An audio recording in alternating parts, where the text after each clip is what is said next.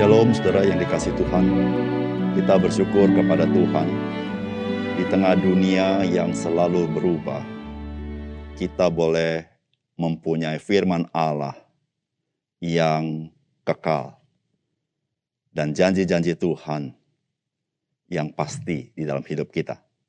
Sehingga kita tidak terombang-ambing di tengah-tengah dunia ini tanpa pegangan. Tetapi kita bisa berpegang kepada janji firman Tuhan. Saudara, itulah yang menguatkan hati kita dan itulah yang membuat hidup kita selalu optimis dan penuh semangat dan penuh sukacita. Salam jumpa dalam program Tuhan adalah gembalaku.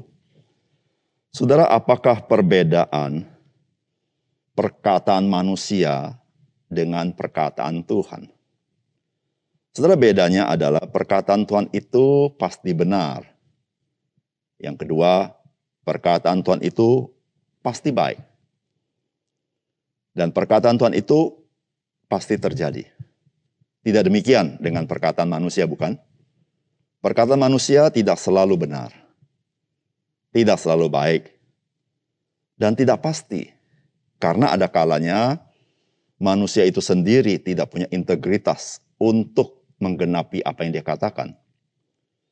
Atau manusia itu tidak punya kedaulatan untuk memastikan setiap perkataannya bisa terjadi. Saudara, ada kalanya kita mendengar pengajaran-pengajaran bahwa perkataan manusia itu berkuasa. Sehingga apa yang kita katakan itu pasti terjadi. Saudara, keyakinan seperti ini adalah mengingkari bahwa kita ini hanya manusia yang terbatas dan tidak memiliki kedaulatan yang mutlak. Juga kita mengingkari bahwa apa yang kita inginkan tidak selalu sama dengan apa yang Tuhan kehendaki. Nah, saudara-saudara yang kasih dalam Tuhan, perkataan kita tidak sama dengan perkataan Tuhan. Namun hendaklah perkataan kita sebagai orang percaya adalah perkataan yang benar, yang baik, dan memuliakan Tuhan. Karena setiap perkataan yang kita katakan, kita harus pertanggungjawabkan di hadapan Tuhan kita, Yesus Kristus. Saudara, mari kita membaca Lukas pasal 4, ayat 31 sampai 37. Kemudian Yesus pergi ke Kapernaum, sebuah kota di Galilea, lalu mengajar di situ pada hari-hari Sabat. Mereka takjub mendengar pengajarannya, sebab perkataannya penuh kuasa. Di dalam rumah ibadat itu ada seorang yang kerasukan setan dan ia berteriak dengan suara keras. Hai engkau Yesus orang Nazaret, apa urusanmu dengan kami? Engkau datang hendak membinasakan kami. Aku tahu siapa engkau yang kudus dari Allah. Tetapi Yesus menghardiknya katanya diam, keluarlah daripadanya. Dan setan itu pun menghempaskan orang itu ke tengah-tengah orang banyak, lalu keluar daripadanya, dan sama sekali tidak menyakitinya. Dan semua orang takjub. Lalu berkata seorang kepada yang lain, katanya, Alangkah hebatnya perkataan ini. Sebab dengan penuh wibawa dan kuasa, ia memberi perintah kepada roh-roh jahat dan mereka pun keluar. Dan tersebarlah berita tentang dia ke mana-mana di daerah itu. Saudara yang terkasih di dalam Tuhan, Tuhan Yesus ada banyak melakukan pelayanan, mengajar banyak orang. Dan bagaimana Tuhan Yesus mengajar dan isi pengajarannya sangat memberikan dampak yang besar bagi orang yang mendengarkannya. Sehingga orang-orang berkata bahwa pengajarannya penuh dengan kuasa Bahkan di bagian lain dikatakan bahwa pengajarannya tidak sama dengan guru-guru yang ada pada zaman itu. Dari firman Tuhan yang kita baca hari ini, ternyata Yesus bukan saja mengajar dengan penuh kuasa, tetapi perkataannya, perkataan yang penuh kuasa, terlihat ketika ia berhadapan dengan si jahat. Saudara, biarlah perkataan Tuhan Yesus Itulah yang selalu kita dengarkan Karena perkataan itu iya dan amin. Dan kita boleh mengalami kehadiran Tuhan, mengalami campur tangan Tuhan melalui firman-Nya. Saudara, apakah pesan firman Tuhan yang kita pelajari hari ini? Yang pertama, saudara perkataan Tuhan Yesus itu penuh kuasa dan berotoritas di atas segala sesuatu. Saya firman Tuhan berkata, kemudian Yesus pergi ke Kapernaum, sebuah kota di Galilea, lalu mengajar di situ pada hari-hari sabat. Mereka takjub mendengar pengajarannya, sebab perkataannya penuh kuasa. Ayat 36. Dan semua orang takjub, lalu berkata seorang kepada yang lain, katanya, Alangkah hebatnya perkataan ini, sebab dengan penuh wibawa dan kuasa, ia memberi perintah kepada roh-roh jahat dan mereka pun keluar. Saudara dari bagian firman Tuhan ini, setidaknya kita berjumpa dengan respons daripada orang-orang yang ada di sekitar Tuhan Yesus. Responsnya adalah takjub. Saudara mereka adalah orang-orang Yahudi yang juga mungkin sering mendengar pengajaran para rabi yang banyak di antara orang Yahudi. Namun ketika mereka mendengar bagaimana Yesus mengajar, mereka menjadi takjub. Dan Alkitab berkata bahwa pengajaran Tuhan Yesus itu penuh kuasa. Atau dengan kata lain, perkataan Tuhan Yesus penuh kuasa. Bukan saja ketika dia mengajar, namun kuasa dari perkataan Tuhan Yesus itu nyata di dalam kehidupan sehari-hari ketika Tuhan Yesus berhadapan dengan roh-roh jahat, maka roh-roh jahat harus taat kepada perkataan Tuhan Yesus. Saudara yang kasih dalam Tuhan, di situlah saudara orang-orang di sekitar yang menyaksikan peristiwa ini mengatakan alangkah hebatnya perkataan ini. Sebab dengan penuh wibawa dan kuasa, ia memberi perintah kepada roh-roh jahat dan mereka pun keluar. Saudara yang dikasih oleh Tuhan, apa yang menjadi respons daripada orang-orang menyaksikan Tuhan Yesus tentang perkataannya dan kenyataan bagaimana perkataan Yesus itu penuh dengan kuasa dan melaksanakan apa yang Yesus katakan. Mengingatkan kita kepada firman Tuhan dalam perjanjian lama. Yesaya 55 ayat 11 dikatakan demikian oleh firman Allah. Demikianlah firmanku yang keluar dari mulutku. Ia tidak akan kembali kepadaku dengan sia-sia, tetapi ia akan melaksanakan apa yang kukehendaki dan akan berhasil dalam apa yang kusuruhkan kepadanya. Saudara Tuhan Yesus menunjukkan ia bukan sekedar seorang rabi atau seorang guru. Dia lebih daripada itu. Dia adalah Tuhan itu sendiri. Dia adalah Mesias, anak Allah. Sehingga tutur katanya adalah tutur kata yang penuh kuasa dan pasti terjadi.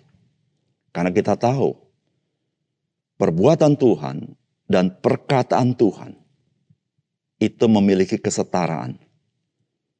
Sebagaimana perbuatan Tuhan pasti terjadi dengan perbuatannya, Demikian juga dengan perkataan Tuhan. Pasti terjadi sesuai perkataannya.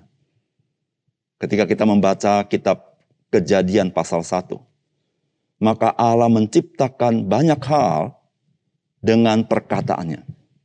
Ketika Tuhan berkata jadilah terang, maka terang itu jadi.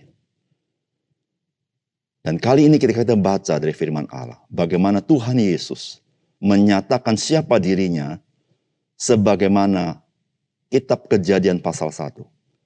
Apa yang Yesus katakan, itu pun terjadi. Saudara yang kasih dalam Tuhan. Ketika kita mengetahui perkataan Tuhan atau firman Tuhan dapat dipercaya dan firman Tuhan penuh kuasa dan janji Tuhan dapat dipegang dan firman Allah penuh otoritas bahkan terhadap kuasa-kuasa jahat. Oleh karena itu, saudara, sebagai orang percaya, mari kita merenungkan firman Tuhan, menyimpan dalam hati kita, memegang firman Tuhan, dan percaya kepada firman Allah. Berbahagialah orang yang merenungkan firman Allah siang dan malam. Karena pada musimnya dia akan berbuah. Bukan karena kehebatan dia. Tetapi firman Allah yang keluar dari mulut Allah tidak akan kembali dengan sia-sia. Tetapi akan melaksanakan apa yang Tuhan perintahkan kepadanya. Yang kedua, Saudara bagian firman Tuhan ini mengajar kepada kita bahwa Yesus Kristus datang ke dalam dunia untuk membinasakan perbuatan-perbuatan iblis. Firman Tuhan berkata di dalam rumah ibadat itu ada seorang yang kerasukan setan. Dan ia berteriak dengan suara keras, Hai or, engkau Yesus orang Nazaret, apa urusanmu dengan kami? Engkau datang hendak membinasakan kami? Aku tahu siapa engkau yang kudus dari Allah. Tetapi Yesus menghardiknya katanya, diam, keluarlah daripadanya. Dan setan itu pun menghempaskan orang itu ke tengah-tengah orang banyak. Lalu keluar daripadanya dan sama sekali tidak menyakitinya. Saudara menarik sekali apa yang dikatakan Yesus kepada setan yaitu diam. Saudara yang kasih dalam Tuhan, Tuhan Yesus tidak pernah memberikan kesempatan kepada setan di dalam segala hal. Saudara ini mengajarkan kepada kita, Tuhan Yesus mau mengajar kita agar kita tidak memberikan kesempatan kepada setan. Betapapun bagusnya perkataannya. Betapapun indahnya perkataannya betapapun manisnya janjinya. Yesus berkata, diam. Saudara yang kasih dalam Tuhan. Si jahat tahu siapa Yesus. Si jahat mengatakan engkau yang kudus dari Allah. Yang kudus itu berbicara tentang keilahian Yesus. Karena perjanjian lama ketika bicara yang kudus berbicara tentang Allah. Sehingga orang memanggil yang kudus itu adalah memanggil Allah. Tetapi yang kudus juga berbicara tentang Mesias. Meskipun setan itu mengenal siapa Yesus. Namun Yesus tidak tergantung kepada kesaksian setan. Bahkan Yesus menyuruh setan untuk diam, tidak berkata-kata. Saudara yang kasih dalam Tuhan, iblis dari semula adalah bapa pendusta. Tidak ada yang baik di dalam diri iblis. Karena iblis selalu beroposisi dengan Allah. Dan Tuhan Yesus datang ke dalam dunia. Untuk membinasakan perbuatan-perbuatan iblis. Di situlah iblis tahu. Sehingga dia berkata, engkau datang hendak membinasakan kami? Saudara firman Allah di dalam 1 Yohanes pasal 3 ayat 8, Barang siapa yang tetap berbuat dosa berasal dari iblis. Sebab iblis berbuat dosa dari mulanya. Untuk inilah anak Allah menyatakan dirinya, yaitu supaya ia membinasakan perbuatan-perbuatan iblis itu.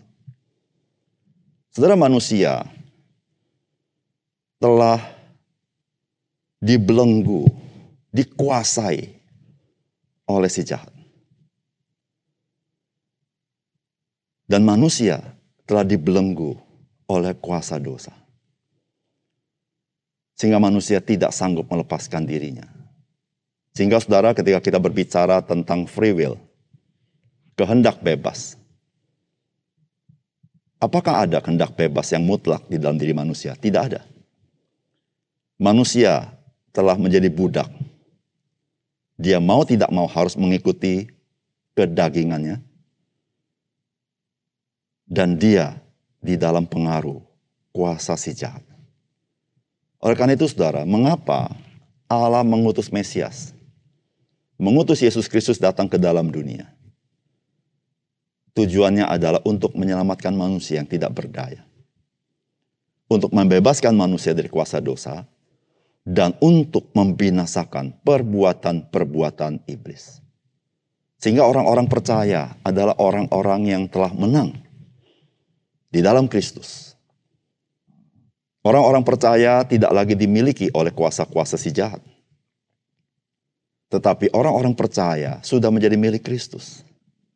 Oleh karena itu saudara, sepatutnya kita tidak mendengarkan bujukan, nasihat, janji, pengharapan yang iblis tawarkan kepada kita. Jikalau kita mengikutinya, kita terjebak untuk terikat kembali oleh dia. Kita sudah menang. Yang patut kita lakukan adalah kita melayani Tuhan. Mendengar perkataan Tuhan. Menuruti firman Allah. Mengasihi Tuhan. Memegang janji-janji Tuhan. Dan percaya hidup kita, masa depan kita ada dalam rencana Tuhan yang mulia itu. Perkataan Yesus, perkataan yang dapat dipercaya karena dia adalah anak Allah itu sendiri. Mari kita selalu memegang firman Tuhan dalam hidup kita. Mari kita berdoa. Bapak surga terima kasih untuk kebenaran firman-Mu. Kami bersyukur melalui bagian firman-Mu kami mengenal siapa Yesus. Melalui firman-Mu kami mengenal seberapa kuasa perkataan Tuhan. Sehingga membangkitkan iman kami. Dan kami bersyukur ya Tuhan. Orang-orang percaya adalah orang-orang yang sudah menang di dalam Kristus. Iblis tidak lagi sanggup menguasainya. Karena engkau datang untuk membinasakan perbuatan-perbuatan si iblis. Tuhan tolong kami Ketika kami mengenal Engkau, kami menyerahkan hidup kami kepada Tuhan. Kami sungguh-sungguh memegang janji firman Tuhan. Dan sungguh-sungguh melakukan apa yang Tuhan inginkan. Karena kami tahu ya Tuhan, kami boleh melayani Tuhan adalah hal yang sangat berharga dalam hidup kami. Terima kasih Tuhan. Dalam nama Tuhan Yesus kami berdoa. Amin.